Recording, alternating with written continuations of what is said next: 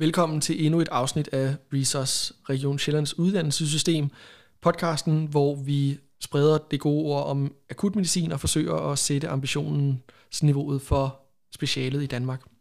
Mit navn er Emil Iversen, jeg er vært på podcasten, og det her er første optagelse af den nye podcastserie, men hvad betyder det så? Det bliver en del af den nye øh, struktur på Resource, hvor vi kommer til hver anden måned at udgive fire podcastserier.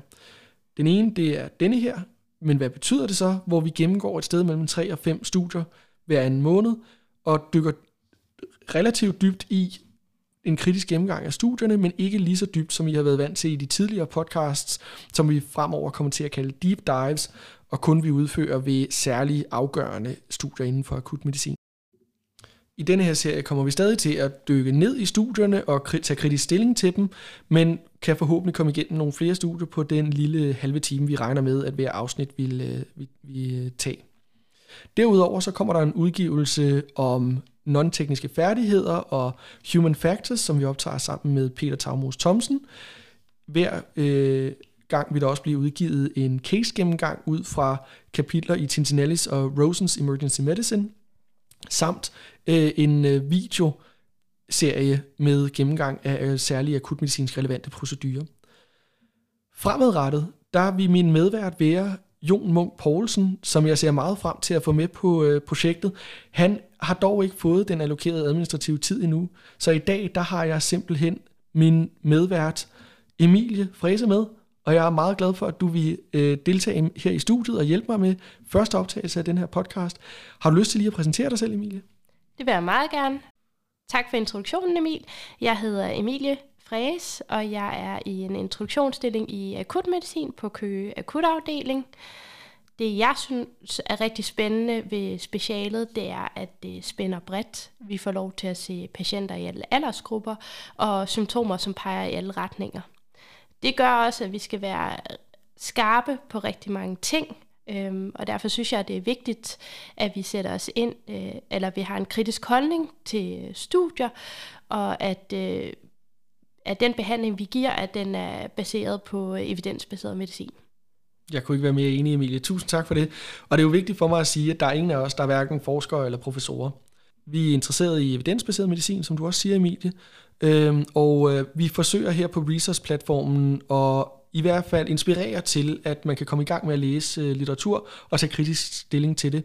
Hvis du på din øh, akutafdeling endnu ikke har, har fået gang i en journal club, så kan jeg blandt andet henvise til øh, de checklister, der lige nu ligger på Resource-platformen, som du kan finde på akutmedicineren.dk-resource, som du vil kunne anvende til at komme i gang med ligesom at tage kritisk stilling til de enkelte studier. Jeg vil også sige, at der er jo mange, der ved meget mere om det her, og gør det her meget bedre, end vi gør. Øh, blandt andet så øh, mine store idoler på øh, The Skeptic's Guide to Emergency Medicine, First 10 EM og EM Cases, laver også gennemgang af, af litteratur, og jeg vil på det varmeste anbefale dem. Øh, jeg vil sige, det her, det er pilotoptagelsen af, men hvad betyder det så? Det er første gang, vi forsøger det her. Jeg er rigtig glad for at have dig med, Emilie. Men jeg vil også sige, at det er vigtigt, at i som lyttere giver os feedback, kommer med ris, ros, så vi kan blive ved med at udvikle det her projekt, så det kan blive endnu bedre og endnu mere anvendeligt for jer derude. Det er det, det hele går ud på nemlig. Men jeg vil, nu, for nu vil jeg bare sige tusind tak, fordi du lytter med. Og så tænker jeg, at vi øh, skal gå i gang, Emilie. Ja, det synes jeg, vi skal. Vi skal jo igennem fire studier i dag. Mm. Det første, det omhandler konservativ versus invasiv behandling af lukkede displacerede humerusskaftsfrakturer røntgenkontrasts association med nyreskade hos patienter mistænkt for lungeemboli er det andet studie øh, omhandlende. Det tredje, det handler om de modificerede Scarbossa-kriterier og deres præcision i diagnosen af AKS ved ventrikulær paced rytme. Og det fjerde studie, det undersøger effekten af trombolyse hos patienter med intermediær risiko lungeemboli. Så sådan en lidt blandet landhandel. Ja, det må man sige. Men øh, det er jo også det, der kendetegner vores speciale. Helt sikkert. Skal vi gå i gang med det første studie? Ja, det synes jeg, vi skal.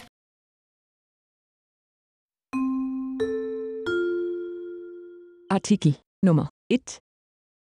Det første studie, vi skal gennemgå, det er fra 2020 og lavet af Remø, Remo et al. Øh, det hedder Effect of Surgery versus Functional Bracing on Functional Outcome Among Patients with Closed Displaced Humeral Shaft Fractures. The FISH Randomized Clinical Trial. Og det var i øh, JAMA. Studiet er et randomiseret, kontrolleret studie over effekten af konservativ behandling versus kirurgisk intervention for lukkede, displacerede humerusskaftsfrakturer. Det blev foretaget på to finske universitetshospitaler i perioden øh, november 2012 til januar 2018. Patienterne de blev randomiseret til enten kirurgi eller konven- konventionel konservativ behandling med Samiento-bandage ved hjælp af noget, der hedder sealed envelope-teknikken. Begge grupper fik fysioterapi i standardiseret regime, og patienter, der afslog randomiseringen, de blev inviteret til et observationelt studie, som de lavede sideløbende, hvor de blev fuldt med den behandling, de nu foretrak. Så der, der er ligesom, de gennemgår også det her observationelle studie, men det vi tager stilling til, det er ligesom det her randomiserede studie. Populationen, øh, det var patienter over 18 år med lukkede displacerede humusfrakturer, som dog skulle ligge inden for en ret afgrænset zone, og det kan man se på, øh, på deres øh, inkluderede og ekskluderede patienter. Øh, fordi eksklusionskriterierne var rimelig skarpe og øh, inkluderede blandt andet svær komorbiditet, og så frakturer, der lå uden for denne her frakturzone, som altså gik fra øverste incision af pectoralis major til 5 cm over fossa olecranon. Humerusfrakturer uden for den her zone blev simpelthen ekskluderet. Og desuden så patienter, som kognitivt ikke ville kunne medvirke til genoptræning i konservativt regime, blev selvfølgelig også ekskluderet. Dem ville vi heller ikke kunne, øh, kunne tilbyde den her behandling i den kliniske virkelighed. Men ud af kun 321 screenede patienter i løbet af den her 6-årige studieperiode, der var der kun 82, der blev randomiseret. 53 patienter afslog randomisering og indgik i det observationelle studie, og det vil altså sige, at 181 patienter blev ekskluderet. Heraf 91 grundet en fraktur uden for det angivende område, 30 grundet svær komorbiditet og 30 grundet kognitiv deficit og en række mindre eksklusionskriterier. Så det var altså næsten halvdelen af de ekskluderede patienter, der blev ekskluderet grundet den her fraktur uden for det angivende område. Så det skal vi lige holde os i mente, at det er altså kun inden for det her område, at det her studie, det undersøger effekten af konservativ versus kirurgisk behandling. Til gengæld så var der kun to patienter, der blev tabt til follow-up i hver gruppe. Interventionen det var kirurgi med åben reduktion og fixation med plade og skruer og rehabiliteringsprotokol i form af øvelser. 13 patienter randomiseret til konservativ behandling blev behandlet med kirurgi i løbet af studiet 12 måneder, øh, men bliver analyseret i deres oprindelige tildelte gruppe. Så det skal vi være lidt opmærksom på, at det er jo det er rigtig godt, de laver en intention to treat analyse, men 13 ud af de 44 patienter randomiseret til konservativ. Det er en ret stor andel, der ender med at faktisk lave crossover. Operationen blev udført enten af eller under supervision af en erfaren ortopædikor inden 14 dage øh, fra skadestidspunktet, og patienterne de blev instrueret i, at de måtte anvende armen umiddelbart efter operationen, men de skulle undgå tunge løft 6 uger efter. Sammenligningsgruppen, kontrolgruppen, det var en konservativ behandling, som man har øh, anvendt øh, før, med Sarmiento-bandage og rehabiliteringsprotokol, også i form af øvelser. Sarmiento-bandagen den bliver anlagt af en erfaren bandagist, og den sikrer fri bevægelse af både skulder og albuled. Outcome målt, det primære, det er øh, funktionen af overekstremiteten på en score, som kaldes DASH-scoren. Og det er altså en score, der er rent patientrapporteret efter 12 måneder. De undersøger også som sekundære outcomes en score, der hedder Constant Merley, som også inkluderer objektiv funktionsmåling. Men det primære outcome, det er altså rent patientrapporteret. Andre sekundære øh, outcomes var smerter i hvile og ved aktivitet og generelt patienttilfredshedsscore øh, målt på Likert-skala. Man indsamlede øh, data for øh, outcomes ved baseline efter 6 uger, 3, 6 og 12 måneder i forbindelse med, at der blev lavet kliniske opfølgninger. Patienternes randomisering den blev forsøgt blændet så godt som muligt. Det er jo svært med kirurgiske studier, når der hos nogle patienter er der og ikke er. Men de blev altså instrueret i, at de skulle have langærmede t-shirts på, når de kom til de her kontroller. Og så blev data om komplikationer indsamlet af et medlem af forskergruppen, som ikke havde været involveret i den oprindelige behandling, og derfor ikke var sådan, kan man sige, personligt investeret i, at den her operation skulle være gået godt, for eksempel. Det de fandt ud af, det var, at der var ingen signifikant forskel i funktionelt outcome målt på den her DASH-skala efter 12 måneder. Så patienterne mente altså selv, at de havde et lige godt outcome, om de var blevet opereret eller behandlet med konservativ behandling. Man fandt dog en hurtigere opnåelse af bedre funktion i kirurgigruppen, særligt i de første tre måneder, men efter seks måneder havde den konservative gruppe altså indhentet dem. 11 af patienterne fra den konservative gruppe udviklede dog non-union og i alt 13 patienter fra den konservative gruppe måtte undergå kirurgi inden for de 12 måneder, måneder studiet forløb over. Men hvad betyder det så? Altså det, er, det er et lille studie, men det er ret veludført, og det er randomiseret, og de, de forsøger ligesom at opretholde den her blænding af studiet, synes jeg. Trods at man kan sige, det, er, det kan være svært i kirurgiske studier. Det finder ingen forskel imellem konservativ og kirurgisk behandling. Øhm, og selvom man kan sige så, at det fandt, der var en bedre, signifikant bedring i funktionel outcome inden for de første tre måneder hos patienter, der blev behandlet kirurgisk, så er spørgsmålet jo, opvejer det risiciene, som en hver operation indebærer. En ting, jeg tænker, vi skal være meget opmærksom på, det er, at 13 ud af de 44 patienter i den konservative kontrolgruppe, de blev altså opereret i løbet af de her 12 måneder. Så, så det, at der er øh, udjævnet forskelle ved 12 måneder i den patientrapporterede, øh, hvad kan man sige, øh, outcome, det, det kan altså være temmelig skævvredet til fordel for den her konservative øh, behandling. Men det sagt, så altså studiet undersøger ret grundigt øh, og løbende med mange kontroller hen over det her år, synes jeg, outcome. Og øh, hvis vi skal tilbage til det her med potentielt skadelige virkning ved operationen, så forsøger studiet at under, undersøge det, finder ikke nogen signifikant forskel i komplikationer, også inkluderende de her 11 patienter, der fik non-union. Der var altså også, kan man sige, der var ikke nogen signifikant forskel sammenlignet med dem, der blev opereret. Men, men studiet er for lille til egentlig at have en power til at, at detektere en signifikant forskel. Så jeg ved ikke, Emilie, hvad tænker du sådan? Skal vi, øh, skal vi nu til at holde op med at operere de her patienter? Skal vi, øh, skal vi operere dem alle sammen?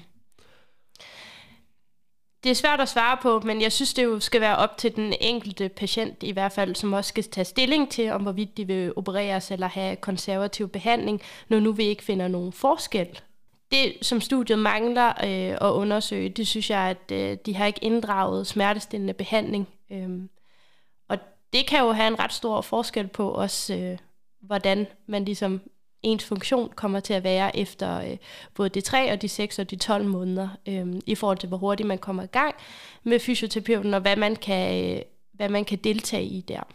Ja, og man kan sige, nu er det jo, det er jo et ret lille studie, så, så der kan sagtens have været en øh, forskel, der skævvrider resultaterne.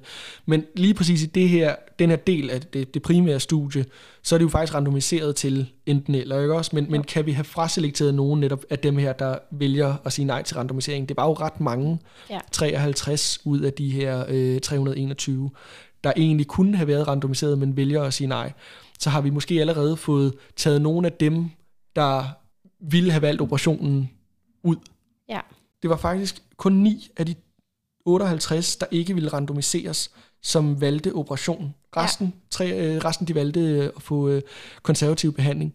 Så, så det er svært at forudsige, hvordan det ville skævvride resultaterne egentlig, men jeg synes, det er en rigtig god pointe, at, at jeg vil gerne have haft, at de, at de øh, i hvert fald, hvad kan man sige, lidt mere objektivt præsenterede, mm.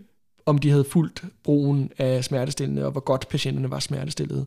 De nævner det jo som et sekundært øh, outcome, øhm, smerter i hvile og ved aktivitet, men præcis hvornår og hvordan, det er ikke rigtig præsenteret Nej. i, øh, i og der er heller ikke præsenteret, hvad de har taget af smertestillende. Nej. Nej, så der kan have været stor forskel der. Så hvad fortæller jeg om en patient? Det jeg vil sige ud fra det her studie, så vil jeg øh, fortælle patienten, at øh, funktionen af armen synes at være fuldstændig ens efter 12 måneder, uafhængig om du bliver behandlet kirurgisk eller konservativt for dit overarmsbrud. Der er set en hurtigere rehabilitering og tilbagevenden til nær fuld funktion, cirka dobbelt så hurtigt blandt patienter, der bliver opereret, og en del af de patienter, der ikke bliver opereret, de oplever altså, at knoglen ikke vokser ordentligt sammen og må opereres efterfølgende. Til gengæld så indebærer enhver operation risici, øh, og selvom det her studie ikke viste en signifikant forskel, så mangler vi robust evidens for egentlig at kunne sige, hvad er risikoen for komplikationer ved det her indgreb. Det er forskelligt fra person til person, om den hurtige funktionsbedring er risikoen ved en operation værd. Så det vi gør nu, det er, at vi sætter din arm i bandage, giver dig smertestillende og henviser dig til en superkort tid i ortopædkirurgisk ambulatorium, hvor du sammen med ortopædkirurgen vil kunne træffe en beslutning omkring, hvilken behandling der er bedst i dit specifikke tilfælde.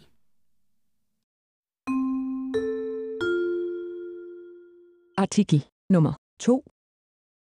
Det andet studie, vi skal snakke om her, eller tale om her i dag, det er et studie fra 2021 øh, fra Golden i And. Det hedder øh, Association of Intravenous Radio Contrast with Kidney Function a Regression Discontinuity Analysis, og det er fra JAMA Internal Medicine. Studiet er et øh, observa- observationelt kohortestudie, der anvender den teknik, øh, der hedder Fuzzy Regression Discontinuity, som vurderer graden af nyrepåvirkning efter IV-kontrast i forbindelse med en CT-lungeemboli, sammenlignet med patienter, som ikke fik kontrast. Metoden, der bliver brugt i det her studie, det udnytter det faktum, at vi på baggrund af en måling af D-dimer og den faste cut-off-værdi opstår en kunstig, men ganske betydelig forskel i sandsynligheden for at blive udsat for kontrast i forbindelse med en scanning for lungeemboli.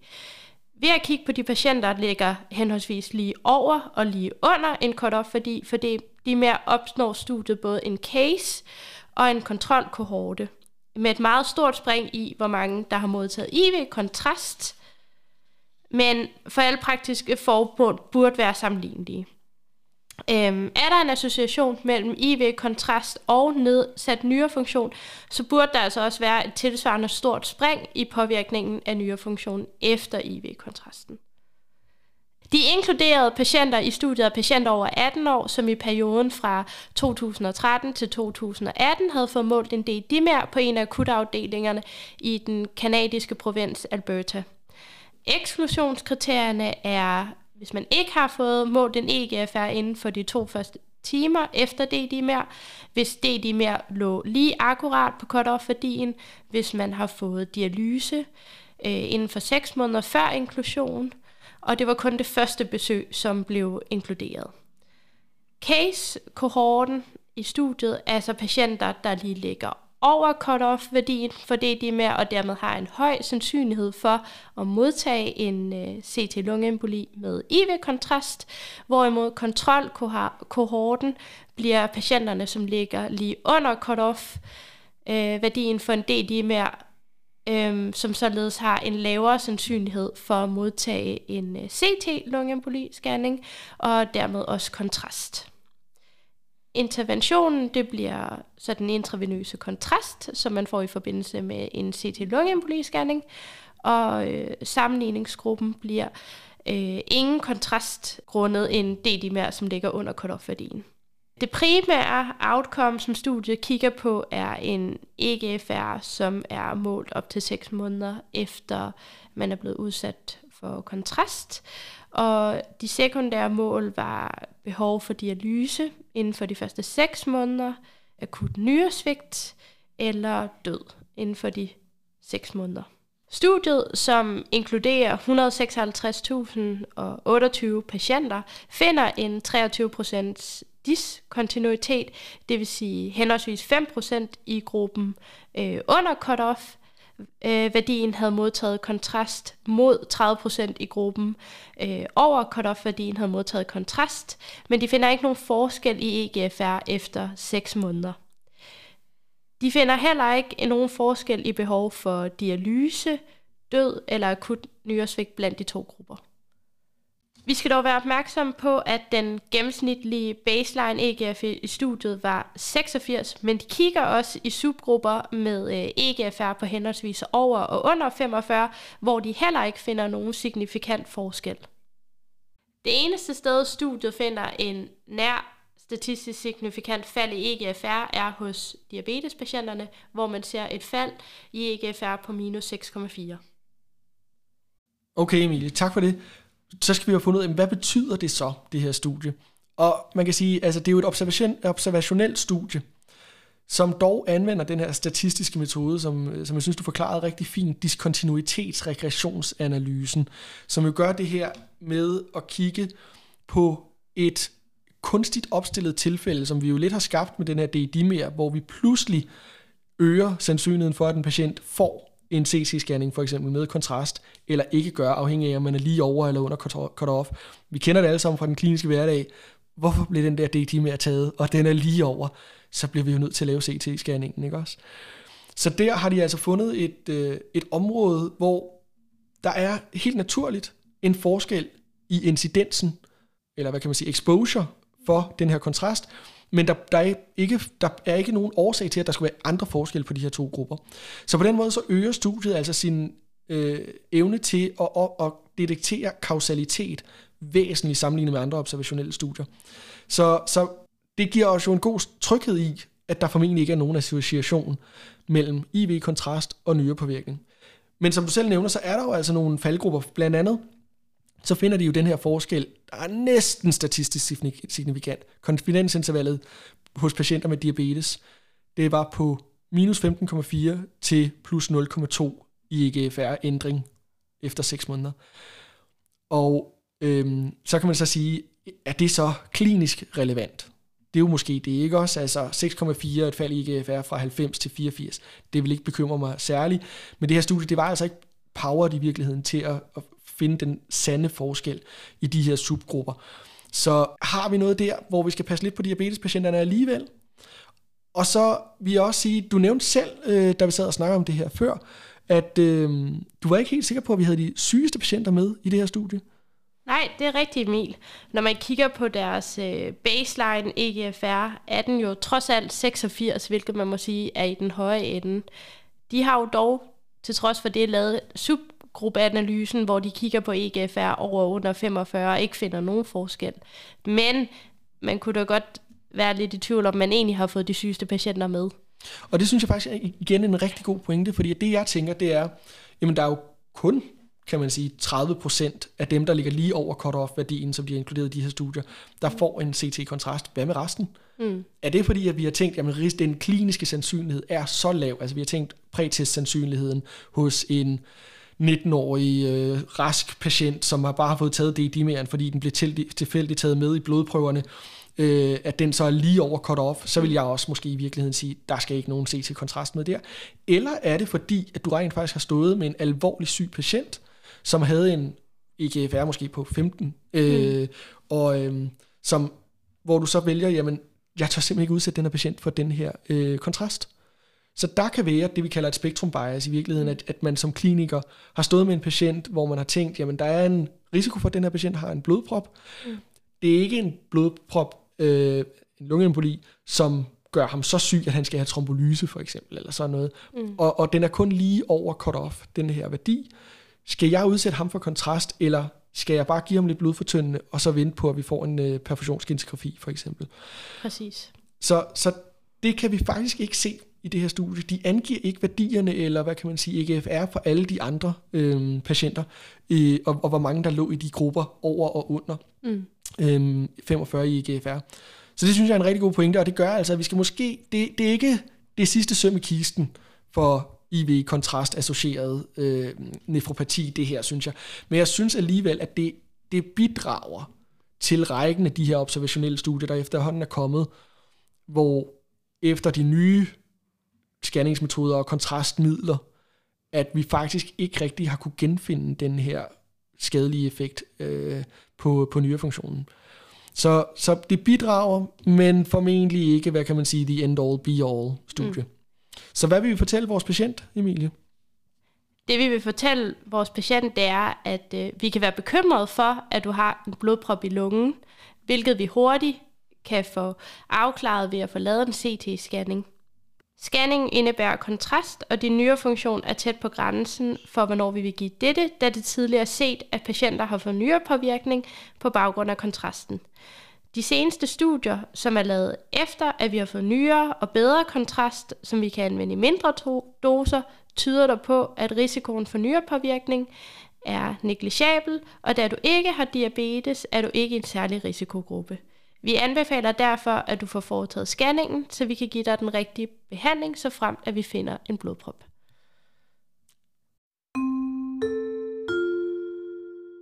Artikel nummer 3 Tredje studie i dag er fra 2021 af Dot et al. Og det hedder Electrocardiographic Diagnosis of Acute Coronary Occlusion, Myocardial Infarction in Ventricular Paced Rhythm using the Modified Scarbossa Criteria. Det er udgivet i Annals of Emergency Medicine. Det studiet er et retro- retrospektivt case-kontrolstudie over præcisionen af de modificerede Scarbossa-kriterier sammenlignet med de originale i diagnostikken af okklusionsmyokardieinfarkt. Så det vil altså sige øh, blodpropper i hjertet med en betydende okklusion, som simpelthen kræver akut intervention i form af PCI. Hos patienter med ventrikulær pacet hjerterytme på EKG og symptomer på AKS. Og det her øh, Scarbossa-kriterierne, det skal vi nok lige blive lidt ved, fordi det er ikke alle, der kender til dem.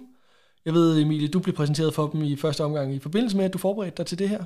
Men så havde du en patient, der simpelthen havde Scarbossa-kriterierne, der opfyldte Scarbossa-kriterierne. Det er rigtigt, Emil. Jeg havde en øh, patient i akutmodtagelsen den anden dag, som præsenterede sig med et øh, nyopdaget venstreside grenblok og brystsmerter. Det er selvfølgelig i den her sammenhæng et øh, STEMI-ekvivalent men hvis han nu havde haft det venstre side grenblok fra tidligere, havde man kunne bruge øh, de modificerede Scarbossa-kriterier til også at finde ud af, om han havde et øh, okklusionsmyokardieinfarkt. Og han opfyldte dem faktisk, Scarbossa-kriterierne, da du så kiggede på det. Præcis. Fordi nu vidste jeg jo, nu havde jeg læst øh, op på artiklen her, øh, og forberedt mig lidt på de her Scarbossa-kriterier, og når nu øh, muligheden bød sig i virkeligheden, så ville jeg da prøve dem af på min patient der havde et øh, venstresidigt grenblok. Og patienten opfyldte faktisk øh, de øh, modificerede Scarbossa-kriterier. Så det var jo interessant at se. Og havde troponinstigning og endte faktisk også hos kardiologerne simpelthen. Præcis. Så man kan sige, det de gør, de her Scarbossa-kriterier, det er at tage den her gruppe af patienter, som historisk set i virkeligheden bare er blevet overset, har fået lov til at vente på, at der er kommet svar på første og andet hold troponiner, og så måske alligevel ikke er blevet taget alvorligt i forhold til, at de også altså kan få det her STEMI. Mm. Problemet med venstresidig grenblok, og i virkeligheden også ventrikulær rytme, det er, at det kan medføre påvirkning af både Q-takkerne og ST-morfologien, som gør, at man ikke rigtig kan anvende de her traditionelle STEMI, non-STEMI-kriterier. Og der er det så, at Scarbossa tilbage i 90'erne, mener jeg, udviklede sine originale kriterier, og der har øhm, Blandt andet øh, Dr. Smith fra Dr. Smiths ECG-blog, som jeg på det varmeste kan anbefale, modificerede dem, på, og det er i virkeligheden grunden til, at der var behov for det. Det er fordi, at de originale Scarbossa-kriterier, selvom de havde en høj specificitet, så havde de faktisk en, en, de havde en ret dårlig sensitivitet, og det er jo altså alligevel noget, der betyder noget. Øhm, så det det her, det her studie, det undersøger. Det undersøger, jamen, hvilke hvad er præcisionen af de modificerede Scarbossa-kriterier mod de originale? Fordi de originale ligger der faktisk en del evidens for. Populationen i studiet er patienter over 18 år med symptomer på AKS og ventrikulær pæset rytme på EKG, som præsenterede sig til en af 16 internationale akutafdelinger eller primære PCI-centre i perioden januar 2008 til 2018. Eksklusionskriterierne de er ret brede øh, og omfatter blandt andet selvfølgelig fravær af symptomer ved EKG-optagelsen, manglende ventrikulær pacet rytme, de kan selvfølgelig ikke være med, men så har de altså også nogle fysiologiske kriterier, som udelukkede alle patienter, der havde en puls over 130, et diastolisk blodtryk over 120, lungeedem, som krævede CPAP eller NIV, samt en kalium over 5,5. Og rationalet for det er ligesom, at de her øh, fysiologiske øh, kriterier, de kan påvirke EKG'et til os at give samme øh, morfologi, og derved gør det sværere at vurdere øh, de her Scarbossa-kriterier. Men det skal vi altså huske, når vi så selv anvender dem ude i klinikken, at der er altså nogle faldgrupper der. Så case-kohorten i det her studie, det her retrospektive case-kontrolstudie, det var patienter, der opfyldte inklusionskriterierne og undergik angiografi med fund af okklusionsmyokardieinfarkt i perioden januar 2008 til januar 2018 på de her 16 internationale centre. Kontrolkohorten bliver så patienterne, der opfyldte inklusionskriterierne og undergik angiografien, men ikke fik fundet okklusionsmyokardieinfarkt, samt en tilfældig kohorte af patienter, der opfyldte inklusionskriterierne fra en akutafdeling, men ikke havde AKS. Og det er altså defineret ved ingen tegn på myokardiskade i form af troponinudslip eller så videre, eller at det simpelthen blev vurderet, at det var et oplagt type 2-infarkt. Men ikke alle i den her gruppe undergik angiografi. Indekstesten i studiet er altså de her modificerede Skarbosse-kriterier. Og selvom de er ret simple, så øh, vil jeg sige først og fremmest, jeg ender altid med at slå dem op. Jeg husker dem ikke i mit hoved, jeg har en app øh, til at slå dem op. Men jeg vil også sige, at det er sådan lidt svært her over lyd at få, få visualiseret de her kriterier. Så jeg vil anbefale, at folk de går ind på øh, hjemmesiden på akutmedicineren.dk-resource og læser bloggen, der følger med den her podcast. Der vil vi også have lagt et øh, billede ind, hvor man simpelthen kan se kriterierne. Fordi det er, det er meget nemmere. Øh, og samtidig så har vi faktisk for nylig lavet et lommekort, som folk også kan øh, se og printe ud, i forhold til netop de her modificerede Scarbosse-kriterier, sammen med andre af de her OMI-kriterier, okklusionsmyokardieinfarkt-kriterier, som også i daglig tale kaldes STEMI-ekvivalenter. Men for lige at have listet dem op, så er de modificerede Scarbosse-kriterier altså konkordant ST-segment elevation over 1 mm, eller konkordant ST-segment depression over 1 mm i V1 til V6, eller diskordant ST-segment elevation med en STS-ratio over 25%. Det er altså kun et af de her kriterier, man skal opfylde, for at man har med høj sandsynlighed et øh, STEMI. Sammenlignet øh, blev de modificerede Scarbosse-kriterier med de originale, og der er ikke den store forskel i kriterie 1 og 2, som øh, i de originale skarbossekriterier går på en konkordant ST-segment elevation over 1 mm, og igen, det er i enhver afledning, så det er præcis det samme som i de modificerede. Andet kriterie i de originale skarbossekriterier er dog konkordant ST-segment depression over 1 mm i V1 til V3, så der har man altså i de modificerede udvidet til V6.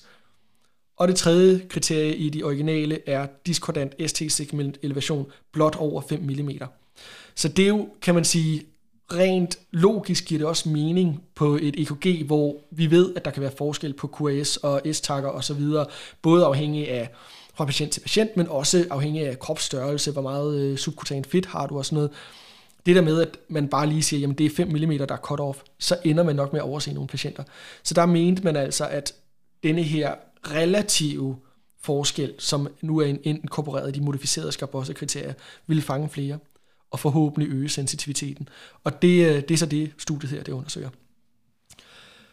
Så fordi at det her det jo er et øh, diagnostisk studie, så i stedet for vores outcome, så har vi en target condition, som er okklusionsmyokardieinfarkt, defineret som angiografi med TIMI flow 0-1 eller TIMI 2-3 med intervention og højt troponinudslip. Så det vil sige, enten havde du meget, meget, meget lidt eller ingen flow i din dine koronararterier, eller også havde du noget flow, men der blev fundet en blodprop, som man gjorde noget ved, enten trak ud eller gav øh, trombolyse, sammen med et højt troponinudslip. Og det er altså fordi, at man ved, også fra tidligere studier, at nogle af de her patienter, der har en total okklusion i deres øh, koronararterier, selv og, og opfylder for eksempel STEMI-kriterierne, jamen de kan godt undergå en spontan autolyse, altså at deres eget koagulationssystem kan lysere øh, noget, en del af denne her øh, trompe, og derfor kan man se et faktisk OK flow, men stadig med tegn på, at der har været en øh, total okklusion. Så det er dem, de inkluderer øh, ved at også at tage de her, der har et time flow 2-3, men til gengæld kombinere, kombinere det med et højt troponinudslip, som tegn på, at der har været en total blodprop. Referencestandarden, det er den her angiografi, og den blev vurderet af uafhængige blændede interventionskardiologer, sammenholdt med det her højeste troponinudslip. EKG'et, øh, det blev vurderet af EKG-analytikere, øh, som de jo har i Amerika, sådan nogle teknikere, der kun beskæftiger sig med det. Så på den måde har vi altså, hvad kan man sige, nogle eksperter, der har vurderet det her. Det skal vi også være opmærksom på, når vi kigger på resultaterne fra studiet. Som netop var, at øh, sensitiviteten for de modificerede Scarbosse-kriterier var væsentligt højere end de originale. Det er jo især den, vi var interesseret i, ikke også? Fordi specificiteten, den var allerede høj på de originale, men sensitiviteten på de modificerede var i det her studie 86% mod 56% i de originale. Specificiteten var bevaret høj på henholdsvis 96% for de modificerede kriterier og 97% for de originale. Og det giver os altså en likelihood ratio, en positiv likelihood ratio på 21 for de modificerede og 19 for de originale kriterier. Så der kan man sige, der er jo ikke så stor en forskel, men det vidste vi allerede, da vi havde en normal specificitet. Men der var en stor forskel på den negative likelihood ratio, som, den, som var 0,19 for de modificerede mod 0,45 for de originale kriterier. Det vil altså sige, har vi, øh, anvender vi de modificerede øh, Gabose-kriterier, så kan vi altså med en meget højere sandsynlighed stole på, at vi at det, der ikke er tale om en, øh, et STEMI, hvis vi patienten ikke opfylder det, kriterierne. Så hvad betyder det? Jamen altså, det er et retrospektivt case-kontrol-studie, så vi er nede i den lavere ende af evidensen, men det er også fordi, at det her det er en sjælden tilstand. Så det har simpelthen ikke været muligt for dem at finde nok cases i et prospektivt studie. Og det kan man også se på, at trods at de søger tilbage 10 år på 16 internationale centre, så finder de altså kun 56 cases af patienter med ventrikulær pacet rytme og OMI, altså okklusionsmyokardieinfarkt. Så, så man kan ikke rigtig bebrejde dem. Det her spørgsmål er, om vi kan få bedre evidens på det her område. Øhm, det ved jeg ikke. Men jeg synes, det er, øh, det er vellavet, det her studie. Jeg må indrømme, at jeg er lidt i tvivl om, hvorfor de inkluderer den her kohorte af tilfældigt øh, fundne patienter i, i akutafdelingen. Fordi ikke alle de patienter fik lavet angiografi. Og der er spørgsmålet så, jamen, har vi overset nogen der? Eller, altså, man kan sige, der blev, de fik jo målt deres troponiner, de fik øh, vurderet, om der var en årsag til, at de skulle have type 2-infarkt osv. Så, så vi har formentlig en høj sandsynlighed for det, men der kan alligevel, der er en, en mulighed for bias der. Mm. Og derudover, så vil jeg sige, at de, øh, det største svaghed ved det her studie, det er nok det her med, at de har ekskluderet øh, mange af de her fysiologiske kriterier, altså patienter på, på baggrund af de her fysiologiske kriterier, blandt andet lungeødem, det kan du gå i, hvis du har et, en stor blodprop. Du kan, hvad hedder det, få øhm, øh, puls over 130. Altså i hvert fald, så, så synes jeg, det der har vi potentielt set introduceret et spektrum bias også, hvor vi har selv fraselekteret nogle af de, øh, de sygeste patienter. Jeg ved ikke, hvad du tænker, Emilie. Jo, Emil, det er jeg faktisk også enig i, at vi potentielt har udelukket nogle patienter, som kunne have været øh, interessante for øh, selve studiet. Øhm, en anden ting, jeg også tænker på, det er, at nu har vi haft eksperter til at sidde og vurdere her, og det er altså noget andet, når man som kliniker skal sidde og først sætte sig ind i de her kriterier, og så bagefter anvende dem. Og hvor stor øh, diagnostisk værdi det egentlig har, og man kommer til at lave noget fejl i det også, og ja. overse nogle patienter. Synes du, det var svært nu med den her patient, vi snakkede om tidligere, at vurdere, om der var tag, om man opfyldte Scarbossa-kriterierne? Jeg synes faktisk, at øh, når man har sat sig ind i kriterierne og har brugt dem et par gange, øh, og kan finde det frem hurtigt, enten på en app, som du siger, eller på lommekort, så synes jeg faktisk, at det går relativt nemt øh, med at bruge dem. Men jeg tror stadig, at jeg vil have den sikkerhed i at ringe til en ven og ja. konferere også med dem. Jeg vil ikke stole på min egen øh, diagnostiske sikkerhed i at kunne sige, eller i hvert fald i at udelukke det, ja. må jeg sige. Og der vil jeg sige, der, der tror jeg måske også, du har fat i det vigtigste omkring det her studie, altså fordi ja, spørgsmålet er, kan vi overhovedet få bedre evidens for den her lille patientgruppe. Vi har ret god evidens for, for patienter med venstre side i grenblok, at man kan anvende de her modificerede Scarbossa-kriterier. Men samtidig, så skal vi jo huske, at det her det er en patientgruppe, hvor alternativet det er, at de bare venter. Så, så jeg synes godt, vi kan anvende de her studier, også baseret på det her stu, øh, de her kriterier, også baseret på det her studie, til at sige, jamen, vi har en forstærket mistanke om, at den her patient altså kunne have en akut okkluderende trompe i sit hjerte, som vi ved får et bedre outcome, hvis man går ind og fjerner den med en primær PCI, og så ringe til det regionale PCI-center og sige, jamen er I interesseret i den her patient, fordi jeg tror sgu, at der er noget. Øhm, så, så jeg vil sige, trods studiets faldgrupper, så er det nok det, jeg ender tilbage med, at jamen, vi har et relativt veludført udført studie, der viser, at jamen, vi får i hvert fald en højere sensitivitet. Spørgsmålet er, hvor høj den rent faktisk vil være, når du og jeg går ud og gør det i virkeligheden. Den er i hvert fald højere, end når vi bruger de originale Scarbossa-kriterier, som øh, American Society for Cardiology også øh, anbefaler, at man bruger. Så jeg vil sige, det her det tager jeg med mig. Det bruger jeg ude i virkeligheden. Og så skal vi finde ud af, hvad skal vi fortælle vores patient? Og der vil jeg sige øh, til min patient, jamen din pacemaker, den betyder, at vi ikke kan anvende de normale fund på hjertekartogrammet, der gør os i stand til med høj sandsynlighed at sige, at der er tale om en akut blodprop i dit hjerte som årsag til dine symptomer. Dit hjertekartogram har dog nogle tegn, der kan pege i retning af, at det alligevel er det, der er tale om. Og sammenholdt med dine symptomer, så vurderer vi, at det er bedst at lave en hurtig undersøgelse, hvor vi ved at gå ind igennem blodåren i håndledet, kan direkte visualisere en eventuel blodprop og i samme instans behandle den.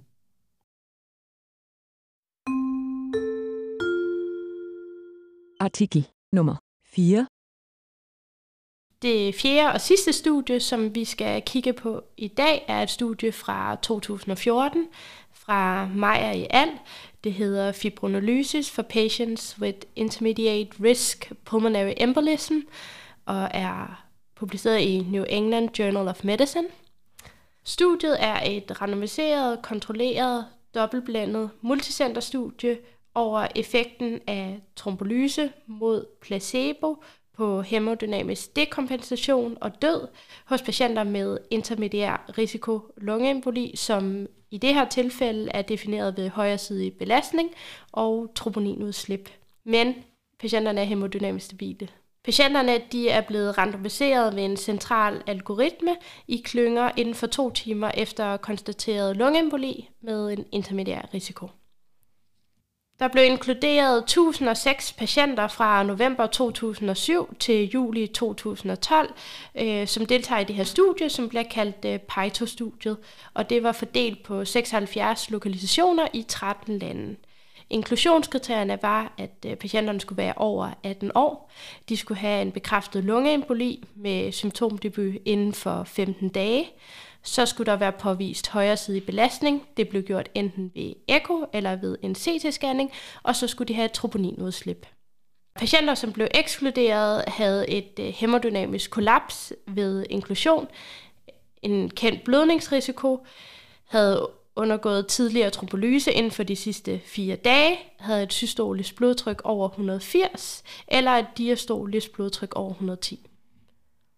Så interventionsgruppen fik en øh, enkeltbolus til nektoplase over 5-10 sekunder, og samtidig fik de også øh, ufraktioneret heparin. Placebogruppen de fik en unavngivet væske i samme volumen og udseende som øh, til og derudover så fik de også øh, en dosis ufraktioneret heparin. Det primære outcome, øh, som studiet kigger på, er et øh, sammensat outcome af både død og hemodynamisk øh, dekompensering kollaps inden for de første syv dage. Og det, man skal forstå ved et hemodynamisk kollaps, det er alt fra et isoleret til et vedvarende fald i blodtryk til behov for genoplevning også. Derudover så kigger de på en række sikkerhedsoutcomes, som er øh, apopleksi, både iskemisk og hemorragisk, inden for syv dage efter randomisering, større ekstrakranielle blødninger inden for syv dage, samt alvorlige hændelser inden for 30 dage efter randomisering. Til sidst så er de også nogle sekundære outcomes, som de kigger på. Det er henholdsvis død, hemodynamisk kollaps og symptomgivende recidiverende trombolisering inden for 7 dage efter randomisering, samt død inden for 30 dage efter randomisering. Så hvad fandt de ud af? Det primære outcome, som jo både var sammensat af død eller hemodynamisk kollaps, øh, og som fandt sted inden for syv dage efter randomiseringen, fandt sted hos 13 patienter i interventionsgruppen mod 28 patienter i placebogruppen, og der var en odds ratio på 0,44. Dog skal det bemærkes, at det kun var henholdsvis 6 patienter i interventionsgruppen mod 9 patienter i placebogruppen, som rent faktisk døde, mens resten oplevede forskellige grader af hemodynamisk kollaps, og kun én mod Fem patienter i de to grupper krævede genoplevning. Studiet viste, at inden for syv dage for randomiseringen oplevede 32 patienter i interventionsgruppen større ekstrakraniel blødning mod kun 6 patienter i placebogruppen. 12 patienter i interventionsgruppen fik apopleksi, heraf var det 10 hemorragiske mod kun 1 i placebogruppen. Så hvad betyder det? Det er et meget veludført studie på 1006 patienter, som finder et signifikant fald i risikoen for død eller hemodynamisk kollaps hos patienter, som får øh, trombolyse. Men derudover ser vi jo faktisk, at der er en relativt stor del af de her patienter, som får en blødning i efterforløbet. Hvad tænker du om det, Emil? Jamen, jeg er fuldstændig enig, og altså, du har ret. Altså, i virkeligheden, det her det er jo det er udgivet i New England Journal of Medicine, så selvfølgelig er det veludført. Det er et randomiseret, kontrolleret, dobbeltblændet, multicenter-studie. Altså, vi kan formentlig ikke få et bedre studie på det her, de her patienter. Og det er også, altså PITO-studiet, det er jo derfor, vi har taget det med fra 2014. Det er et af de øh, større, vigtige studier. Øhm, og ja, det finder jo en statistisk signifikant odds ratio på 0,44, hvilket jeg vil sige, det er jo altså en væsentlig nedsat odds. Mm.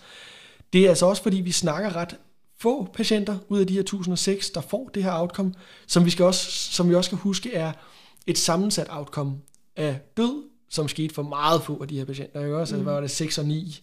Jo, det var 6 mod 9, ja. Ja, og, og resten, de får altså det her hemodynamisk kollaps, som også omfatter et vedvarende fald i blodtryk. Og der er spørgsmålet, er det klinisk relevant?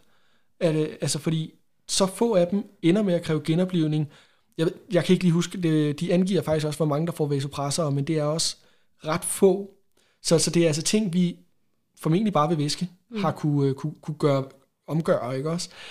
Og hvis du holder det op imod det her med, altså ja, en oddsratio på 0,44, til gengæld, så kan det omsættes til et number needed to treat på 33,3. Så det vil sige, at vi skal behandle 33,3 af de her patienter med trombolyse, for at vi får en, der får et bedre outcome, der, der undgår at få det her øh, død eller hemodynamisk kollaps, som ombefatter det vedvarende blodtryksfald. Og hvis du sætter det op mod et number needed to harm, som udkommer for, for apopleksi alene, altså som kan man sige en af de her, øh, det, det outcome, vi er mest bekymrede for, jamen der er number needed to harm 19,6. Så det er væsentligt færre patienter, vi skal behandle for, at du får et rigtig dårligt outcome. Mm. Og hvis du inkluderer det her større ekstrakranielle blødning sammen med apopleksien, jamen så er number needed to harm nede på 11. Så 33,3 number needed to treat mod et number needed to harm på 11. Altså der vil jeg sige, der, der vil jeg ikke, øh, der vil jeg være stærkt bekymret for at give patienterne det i hvert fald. Når det ser ud som om, at, at der er så mange, vi skal behandle, for at de får et potentielt klinisk relevant bedre outcome. Og så få, vi skal behandle, for at de får et, et helt sikkert klinisk relevant øh, dårligt outcome. Det er jeg enig i, Emil. Så hvad skal vi fortælle vores patient nu, hvor vi har gennemgået studiet? Jeg vil fortælle min patient, at den blodprop, du har fået i lungen, som forårsager dine symptomer, er alvorlig og kræver behandling med blodfortyndende medicin. For nu har du dog et normalt blodtryk, hvilket tyder på, at dit hjerte, trods, trods for at vi kan se, at det belastede blodproppen, kan opretholde sin vanlige pumpefunktion. Den bedste viden, vi har tilgængelig, tyder derfor på, at vi for at afveje behovet for at behandle din blodprop med risikoen for, at du får en større blødning, for nu ikke bør give dig det kraftigste blodfortyndende medicin, men i stedet noget, der stadig fortynder blodet og har en god chance for at opløse blodproppen, men har en mindre risiko for at forårsage blødning andre steder. Skulle du mere, blive mere alvorlig syg, kan det dog blive nødvendigt at give dig den kraftigt blodfortyndende medicin på et senere tidspunkt. Så kom vi igennem de fire studier. Tusind tak for din hjælp i dag, Emilie. Jamen, det var så lidt. Det har været en fornøjelse at have dig i studiet. Og øh, næste gang, så bliver det jo øh, min øh, medvært, Jon Munk Poulsen, der skal være med. Men øh, jeg øh, håber, at hvis der bliver brug for det, så, øh, så kan jeg ringe til dig igen og, øh, og invitere dig ind. Det kan du i hvert fald. Det er jeg glad for at høre. Og så vil jeg sige tusind tak til vores lyttere. Øh, tak fordi I lytter med. Og som sagt, så var det her jo et, en pilotoptagelse øh, optagelse af men hvad betyder det så, det, øh, den nye øh, episode øh, i øh, vores øh, research-struktur, som omhandler evidens gennemgang? I må meget gerne komme med jeres feedback, med jeres ris og ros, så vi kan gøre det her endnu bedre. Nu blev det et øh, lidt længere afsnit, øh, ligesom øh, vores andre pilot-episoder. Vi vil fremover forsøge at bestræbe os på at holde dem i hvert fald til sådan 30-40 minutter, de enkelte øh, afsnit. Men det vil blive øh, tilrettet og tilpasset stille og roligt løbende. Vi vil også gerne komme igennem så mange studier som muligt, øh, sådan at I bliver eksponeret for mere end bare et enkelt studie øh, hver anden måned. Men giv os jeres feedback omkring, jeg synes, at det er for mange, for få studier, om vi dykker for dybt i dem. Vi er tager imod al øh, ris og ros. Endnu en gang, tusind tak, fordi I lytter med, og jeg håber, I vil øh, lytte med en anden gang. Og endnu en gang tak til dig, Emilie. Selv tak.